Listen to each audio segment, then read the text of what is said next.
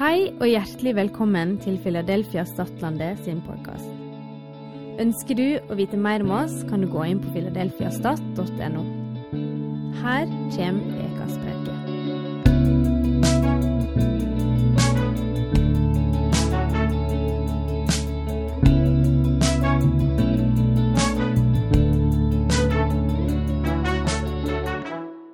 Vi har jo en taleserie i ei bok som heter Djerv tro.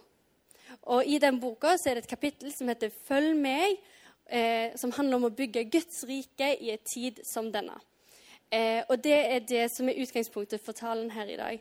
Og vet du, jeg eh, tenkte Jeg tenkte jeg visste hva djerv betydde. Jeg tenkte sånn, ja, det vet jeg jo hva djerv tro Ja, ja, ja, det vet jeg hva. Så googla jeg det, og det har seg sånn at jeg faktisk jeg skjønte ikke hva djerv var. Så hvis du er som meg, og kanskje ikke skjønner helt hva djerv er, så skal jeg forklare det til deg. Fordi eh, jeg har et håp om at jeg ikke var den ene teite som ikke skjønte hva det var. Så håper vi kan stå i det litt sammen. For djerv, det viser til å være modig, eller å være villig til å ta en risiko. Djerv betyr òg det å eh, Eller beskrive noe som er sterkt, levende og klart. Ok, Så folkens, vi har en taleserie om en djerv tro. Vi har en taleserie om en modig tro, om en sterk, levende og klar tro. Vi har en taleserie om en tro som viser villighet til å ta en risiko. Ok? Det er den taleserien vi er inne i. Og Det skifter litt sånn fokuset, i hvert fall mitt, og forhåpentligvis deres nå. For vi skal snakke om det å følge Jesus. Og hvor er sammenhengen her? Eller liksom, hva betyr det? Og eh, det jeg skulle forberede det her, så gjorde jeg det som jeg tror enhver person ville gjort. Jeg googla. Jeg googla hva betyr det å følge Jesus. Hvordan følger Jesus? Jeg googla på norsk, jeg googla på engelsk. Um, og det jeg fant, eh, det var bare en haug med lister, sånn 10-13-15 punkts lister om dette må du gjøre for å følge Jesus. Dette må du forvente deg når du skal følge Jesus. Eh, dette er det det innebærer å følge Jesus. Og helt ærlig, jeg ble så sliten av det. Jeg ble så trist av det. Jeg ble så liksom demotivert av hele greia. For jeg bare sånn Må jeg gjøre disse tingene her for å følge Jesus? Er det noe jeg må gjøre? Jeg bare, det ble, gnisten ble så tatt ut av meg. Og jeg tenkte sånn Hvordan i alle dager skal jeg snakke om å følge Jesus? Fordi det, ifølge de listene her så er det det siste jeg egentlig vil. For disse listene det handler om eh, at eh, jeg må tro på Jesus, og jeg må be, og jeg må adlyde og underordne meg Jesus. Jeg må være forberedt på å møte meg sjøl i døra med all min synd. Og jeg bare Det høres jo ikke gøy ut. Hvem vil vel egentlig det? Jeg må ikke være verden. Og jeg må gi avkall på ting. Jeg må si fra meg ting. Og eh, jeg må elske vanskelige mennesker. Ja, Hvis ikke de andre svei, så svei sikkert den. Eh, og jeg må få hjelp av Den hellige ånd. Og jeg var sånn, jeg liker å be om hjelp en gang. Og så den siste av mange ting, det var jeg må være forberedt på å møte utfordringer. Og uansett hva noen sier, så er jeg så bastant på at ingen liker å møte utfordringer. Bare Uansett hva du sier. 'Å, utfordringer, det er jo litt kult.' Nei. Du liker ikke utfordringer. Du blir ukomfortabel av det. Uansett hva du sier, så står jeg fast på det. Vi kan krangle om det etterpå. Men heldigvis, etter en runde og to med meg sjøl i løpet av denne uka, så eh, vet jeg jo det at jeg elsker jo å følge Jesus. Jeg gjør jo det. Jeg har gitt mitt liv til Jesus og gir mitt liv daglig til å følge Jesus. Jeg har valgt å følge han, og det har jeg gjort i elleve år nå. Det syns jeg er litt kult. Og jeg har iallfall ikke tenkt å stoppe med det første å følge Jesus.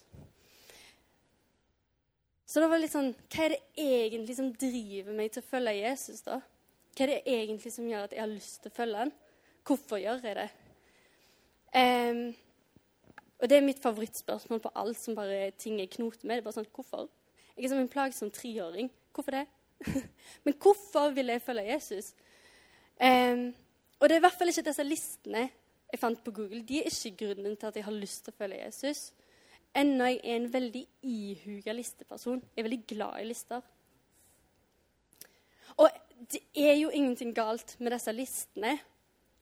Og poengene i disse listene er jo ganske gode. Liksom, de har jo et poeng, og de er fruktbare. er liksom, Egentlig så er de fine hvis vi virkelig går inn i dem. Um, men jeg følger ikke Jesus for å gjøre de tingene her. Og hovedpoenget mitt i dag, det skal du få med en gang. Jeg følger ikke Jesus for å gjøre de tingene her. Men jeg følger Jesus fordi jeg kjenner Jesus. Og du skal få lov til å bli med meg på denne tråden og tankerekka mi. Eh, og vi kan begynne i Johannes 10, 3-5. Nå blir jeg sånn Jeg leser fra Bibelen her, for det har jeg bare lært at det er bra. Selv om det frister å lese fra skjermen. Men her, i Johannes 10, eh, vers 3, så står det Portvokteren åpner for ham, altså gjeteren. Dette er en fortelling der Jesus snakker om at eh, han forteller noe til disiplene om hvem han er. Og eh, Jeg skal ikke ta hovedpoenget av denne eh, undervisningen til Jesus, men han sier en eller annen smart ting midt inni her som eh, jeg kommer til å vektlegge litt mer. Så det står her i eh, vers 3. Portvokteren åpner for ham, altså gjeteren, og sauene hører stemmen hans. Han kaller sine egne sauer ved navn og fører dem ut. Og når han har fått, dem, fått ut alle sine, så går han foran dem, og sauene følger ham, for de kjenner stemmen hans. Men en fremmed følger de ikke. De flykter fra ham fordi de ikke kjenner en fremmeds stemme. Poenget her er at eh, de følger gjeteren. Sauene følger gjeteren fordi de kjenner stemmen hans. De kjenner stemmen hans. Vi kjenner stemmen til de menneskene vi bruker veldig mye tid rundt. Um, og ikke bare stemmen deres, egentlig. Har du noensinne tenkt på hvor rart det er at du kjenner igjen foreldrene dine eller søsknene dine i måten de lukker ytterdøra på? Eller hvordan de går i trappene? Eller bare hvordan de roter i skuffer på kjøkkenet. Du bare sånn, mm, ja, hører, Nei, det er ikke Jørgine, det er Vidar som er i den skuffa der. Eller eh, Ja, eh, det er Vidar som går i trappa, det er ikke Jørgine. Og der er det Ester som springer ned og tar i kjøleskapet, det er ikke Rakel. Liksom, de folkene vi bruker mye tid rundt, de hører man stemmen, eller man kjenner igjen lydene av de. Du har vært så usaklig mye rundt de menneskene at du kjenner liksom lyden av de på personen.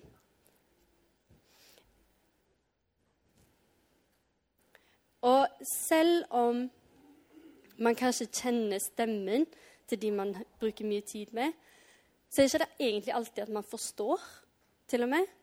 Eh, sånn som eh, eh, familien din de kan si masse ting til deg, og du vet det er de som snakker, men det er ikke alltid du helt skjønner hva de sier. Og Sånn er det òg med Jesus og disiplene hans.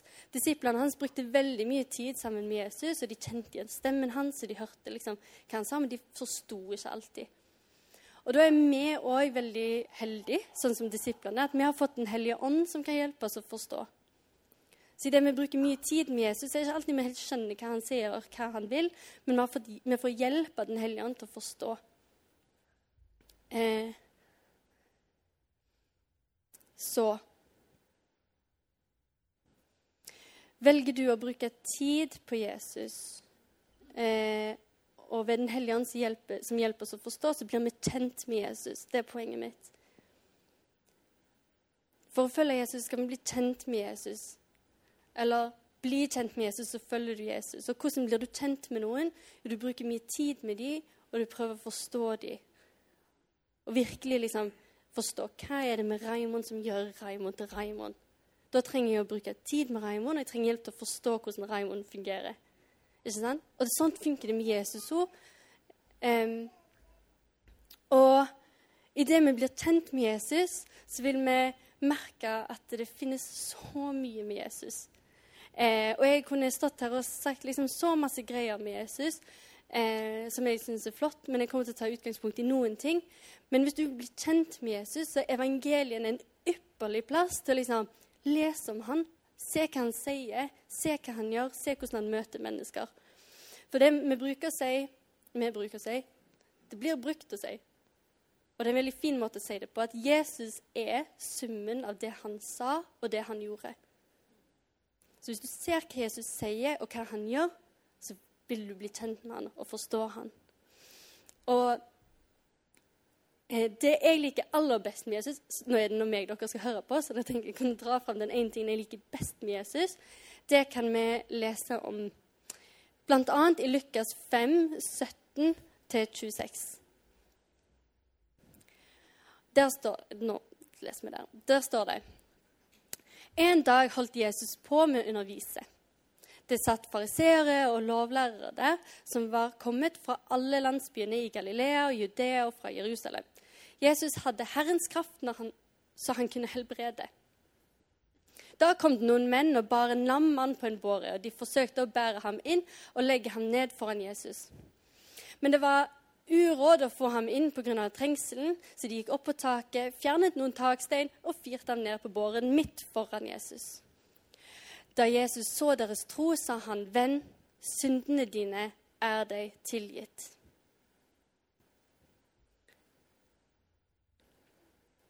Men de skriftlærde og fariseerne tenkte straks, 'Hva er dette for en som spotter Gud?' 'Hvem andre kan tilgi synder enn Gud alene?'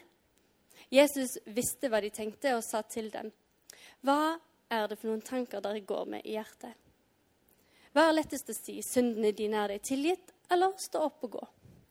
Men for at dere skal vite at menneskesønnen har makt på jorden til å tilgi synder, og nå venter han seg til den lamme, så sier jeg deg, stå opp, ta båren din og gå hjem. Og Straks reiste mannen seg foran øynene på dem. Han tok båren han hadde ligget på, og han gikk hjem mens han lovpriste Gud. Alle ble helt ute av seg av undring og priste Gud, og de ble grepet av frykt og sa i dag har vi sett det utrolige. Denne historien har dere nok hørt før og lest før. Og eh, det som er at Jesus underviser en enorm folkemengde. Han underviser til så mange mennesker at det, de folkene som kommer inn med sin lammekompis, de kommer seg ikke gjennom. Det er så mange mennesker der. Og tenk, må, Jesus må vært liksom, han er opptatt av de folkene han snakker til. Og så blir han bare avbrutt over at det blir firt en mann ned gjennom taket. og Hadde det vært meg akkurat nå, så hadde jeg blitt litt sånn frustrert. Og sånn, Hva er det du holder på med? Ser ikke du jeg er opptatt med å undervise? Ser ikke du jeg er opptatt med å fortelle om liksom, Gud og de store, vakre tingene som det eh, byr på? Å kjenne Gud. Eh, og det er en lam mann. Og det er veldig åpenbart hva de vil med en lam mann når de kommer til Jesus. Det sto i begynnelsen også at Jesus hadde en kraft til å helbrede. Og det visste de, og de var sånn Han må helbrede denne kompisen vår. Men det første Jesus gjør, er ikke å helbrede denne mannen. Jeg bare tenker sånn, Det er jo det første du må gjøre. så Han er jo lam, han kan ikke gå, liksom. De har båret ned mot taket for at du skal helbrede ham. Det første Jesus gjør, er ikke bare sånn Du er frisk. Men det første Jesus gjør, er å se på han og si sønn, venn, kompis. Syndene dine er deg tilgitt. Jesus ser rett inn i hjertet først. Han ser rett inn på innsiden først. Jeg, jeg, jeg skal være helt ærlig, jeg er altfor opptatt med liksom det ytre, og jeg blir veldig fort liksom distrahert av det. Jeg hadde bare tenkt sånn Å, han er lam. Og så liksom, det er det jeg tar meg føre til først. Eh, ikke at jeg springer rundt og helbreder folk, det var ikke det, men det er de ytre tingene jeg tar tak i først. Men Jesus har andre prioriteringer. Han ser verden på en annen måte. Han bare går rett til hjertet. I Lukas 18, 35-43, så står det Da Jesus nærmet seg Jeriko, satt en blind mann ved veien og tigget. Mannen hørte at det var mye folk på veien, og spurte hva som sto på. De svarte ham, 'Jesus fra Nasaret kommer forbi.' Da ropte han, 'Jesus, du Davids sønn, ha barmhjertighet med meg.' De som gikk foran, snakket strengt til ham og ba ham tie. Men han bare ropte enda høyere, 'Du Davids sønn, ha barmhjertighet med meg.' Jesus stanset og ba om at den blinde skulle føres til ham. Og Da han kom nærmere, spurte Jesus ham, 'Hva vil du jeg skal gjøre for deg?' Han svarte, 'Herre, la meg få synet igjen.' Jesus sa til ham, 'Bli seende, din tro har frelst deg.' Straks kunne han se, Og han ga seg i følge med Jesus og lovet Gud. Og hele folkemengden som så dette, lovpriste Gud. Her har du en ny historie der Jesus er så opptatt med mange mennesker rundt seg. Eh, og så, det, så er det en, tigger, en blind tigger som sitter langs veien. Og bare uforskamma roper han bare sånn Han skal ha liksom, han vil være med på dette her. Han vil òg møte Jesus. Eh, og de rundt han, de ber han liksom være stille, ti stilt, hysj, slutt. Nå kommer Jesus forbi, og han bare han bryr seg ikke katten engang. Han bare sånn 'Jesus, hallo, se meg, hør meg, her er jeg.' Eh, og det Jesus gjør igjen Jeg hadde sikkert også blitt litt sånn irritert. Jeg ble avbrutt igjen. Vil ikke bli avbrutt. Men jeg blir avbrutt. Jesus blir avbrutt. Eh, og så, kommer, så ber han denne mannen komme bort til han. Han er blind, og han tigger. Han har noen veldig tydelige behov. Og Jesus, han vet. Men Jesus gir han ikke penger. Og Jesus eh, gir han ikke synet tilbake med en gang. Det Jesus gjør, er igjen noe helt annet enn det som de rundt forventer, eller vi forventer. Det Jesus gjør, er at han sier, 'Hva vil du jeg skal gjøre for deg?'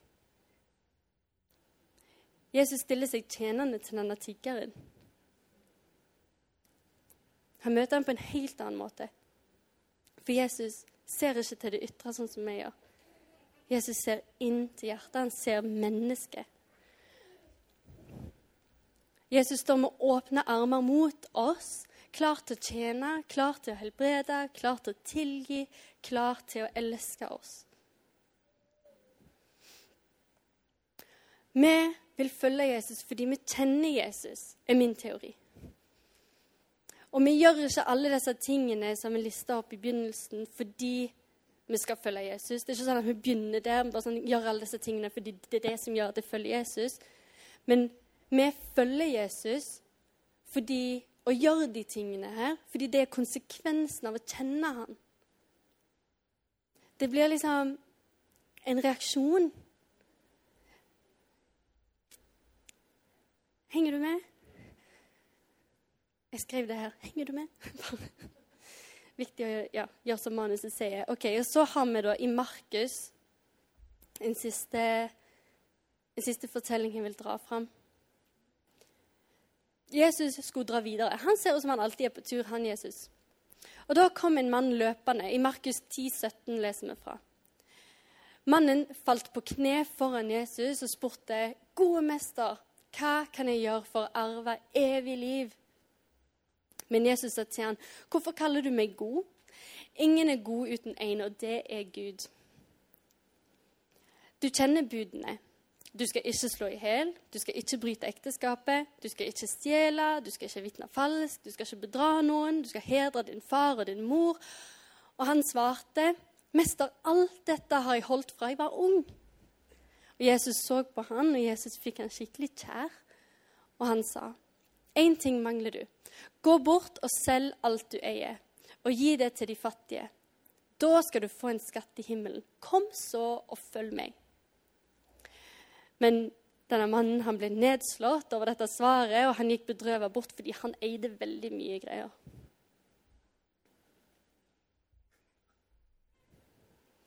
Denne mannen hadde gjort alt riktig fra han var ung. Han hadde gjort alt på lista, han. Han var, liksom, han var den perfekte etterfølgeren. Men Jesus, sånn som jeg vet, Jesus ser til hjertet. Jesus vet akkurat hvor skoen trykker når han møter denne mannen. Så han ber denne mannen selge alt han eier, for å så følge han. Mannen han drar vekk, han følger ikke Jesus. Som jeg vet. Kanskje han kommer tilbake senere. Det står det ingenting om. Men han drar vekk, han følger ikke Jesus. Og jeg er så, jeg er så sikker på at hadde denne mannen kjent Jesus, hadde han kjent Guds hjerte, så hadde han gjort det. Hadde han kjent hvem Jesus var, og hvor god Jesus er, og at Jesus vil det beste for oss, og det å følge han gir deg evig liv, da hadde han sikkert regner med, solgt tingene sine. For det er en så mye større skatt. Hadde du virkelig kjent Jesus, hadde han virkelig kjent Jesus, så tror jeg han hadde gjort som han hadde sagt, og fulgt ham. Han hadde visst at han kunne stole på Jesus, hadde han kjent Jesus sitt hjerte. Så det å følge Jesus og bli kjent med han, å bli kjent med Jesus, det er et ganske djervt valg. La oss bruke et nytt ord som vi har lært. Djervt valg. Det er et dristig, modig og det er et sterkt valg å følge Jesus. Og det krever prioriteringer, tid, ønske om å forstå, og det krever offer. Offer av tid. Tid som du kunne brukt på andre ting. Det gjør det å bli kjent med hvem som helst. Blir du kjent med eh, en ny person i klassen din på skolen, så krever det tid og prioritering og et offer. Du prioriterer den nye personen over de andre, f.eks. Det er det det gjør å bli kjent med noen. Det krever en innsats. Og å følge Jesus det kommer fra en indre overgivelse, en overbevisning og en avgjørelse, lengsel om å kjenne han og leve tettere på han. Og leve livet sitt sammen med han. Og Utgangspunktet for å ta den avgjørelsen og bli kjent med Jesus den er nok like variert som det er mennesker her i dette rommet. Og en utfordring til oss alle kan være at vi kan tenke hvorfor følger jeg Jesus? Det er, ikke, tror, det er ikke, ofte jeg tenker hvorfor følger jeg faktisk Jesus? Av og til går det litt på autopilot. Det er bare sånn, ja, jeg er jo en kristen, og så bare gjør jeg kristne ting. Men jeg tror det kan være fint og fryktig, fruktbart å stoppe og si hvorfor følger jeg egentlig Jesus? Hvorfor gjør jeg alt dette? Jeg er jo i overkant glad i spørsmålet hvorfor. da. Men jeg tror det kan være gunstig for oss å tenke sånn Hvorfor vil vi kjenne Jesus? Hvorfor har vi lyst til å bruke tid med Jesus egentlig?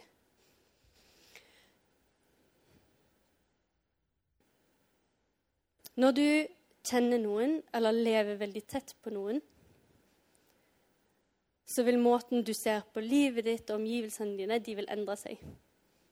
De vil bli preget av den personen. Henger veldig masse med Ingunn, så vil Ingunn sine tanker om hvordan livet funker, det vil prege hvordan jeg ser på livet. Og kjenner du Jesus, så vil du bli prega av Jesus. Kjenner du Jesus, så vil du tro på det han sier. For du har tillit til han, for du kjenner han. Du vil tro på han. Kjenner du Jesus, så vil du bli smitta av hans væremåte og dermed så vil du gjøre litt sånn som Jesus gjorde. Eh, kjenner du Jesus, så vil du prate med han. Du prater med de du kjenner med. Kjenner han? Og måten vi prater med Jesus, det er å be. Kjenner jeg Jesus, så vil jeg be. Kjenner jeg Jesus, så vil jeg lytte til det han har å si. Eh, for han har mer visdom enn meg, det vet jeg jo. Og han har mye bedre råd om hvordan jeg skal liv, leve livet mitt, enn det jeg har. Kjenner jeg Jesus, så vil jeg jo bli sparra av han når man lever veldig tett på noen, så blir du jo kvessa, og du blir sparra, og du, du, ser dine feil og mangler, og så prøver du å fikse litt på det, og så gjør veldig ofte de personene du lever med, deg forhåpentligvis til en bedre person. Um, uten tvil, det gjør Jesus. Kjenner du Jesus, vil du velge annerledes i livet ditt. Kjenner du Jesus, så kan du se på vanskelige mennesker, og så kan du få se på dem med Jesus sine øyne, fra Jesus sitt perspektiv. Og dermed vil det bli enklere å elske vanskelige mennesker. Kjenner du Jesus, så kan du få hjelp av Den hellige ånd til alle de tingene som jeg har ramsa opp her. Og kjenner du Jesus, så ja, vil du måtte være forberedt på å møte utfordringer, men du møter de aldri alene. Du har Jesus sammen med deg. Så konsekvensen av å kjenne Jesus, den vil vel være det da å faktisk bygge Guds rike i en tid som denne. Lever du tett på Jesus, så vil det være konsekvensen av det å følge han. Og hvordan bygger man Guds rike i en tid som denne? Og det vil se så ulikt ut for oss. Fordi alle vi her inne vi har ulik hverdag. Vi har ulik vennekrets. Vi har ulike personligheter, vi har ulike ressurser, vi har ulike jobber, heldigvis. Eh, og vi har ulike historier. Og da vil det se ulikt ut for oss hvordan vi lever livet vårt. Og jeg tenkte litt på Det kunne ikke bare finnes en skikkelig bra oppskrift til hvordan vi bygger Guds rike på Start? Kunne det ikke bare finnes en skikkelig bra oppskrift som jeg kan følge? Og verden er bare så veldig annerledes i dag enn det jeg leser om inni her. Litt sånn, Kanskje ikke helt her på Start, det er veldig mange bønder og gjetere her, men sånn i storbyen, jeg vet ikke jeg om dere bak der vet, har sett så mange sauer i byen. Um, men eh, et lite sånn eh, tips som jeg kom på, det er at Matteus har gjort noe litt spennende i sitt evangelium. Eh, og Det har jeg ikke skrevet ned her, så det får du notere på mobilen eller i notatboken din. Og det er at I Matteusevangeliet, i kapittel 4-7, så står det veldig tydelig om Guds rike. Hvis du lurer på hva Guds rike er, eller hvordan det funker eller liksom, det, er ikke, det er ikke en ting som skal liksom plasseres et sted nødvendigvis, men det står veldig mye om hvordan Guds rike fungerer. Hvordan man tenker når man tenker med Guds rikets tankegang hvordan man forholder seg til andre mennesker som man gjør i Guds rike. Hvordan Guds rike er, det står det om i Matteus 4-7. Og så i Matteus 8-10, rett etterpå, rett etter det har stått liksom tre kapitler om Guds rike, så har du Jesus. Han demonstrerer Guds rike på en veldig spennende måte. Her kommer bibelnerden inn. Jesus utfører Guds rike tre ganger. Han møter noen mennesker, han helbreder, han tilgir synder. Og så sier han 'følg meg'.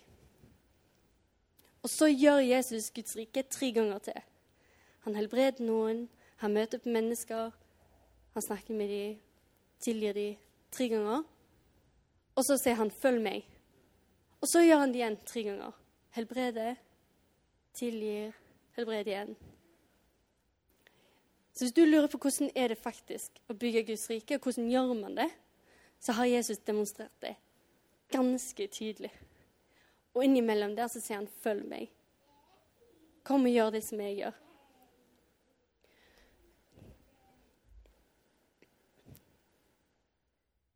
Så et tankeeksperiment til deg. En utfordring fra meg til deg og til oss alle hvordan, med alle de tingene som hverdagen vår innebærer i uka som kommer, hvordan kan jeg bygge Guds rike neste uke? Hvordan ser det ut? Tenk over det. Hvor begynner du? Hva er utgangspunktet ditt? Hva er grunnen til at du bygger Guds rike neste uke? Og hvordan helt sånn rent praktisk gjør du det?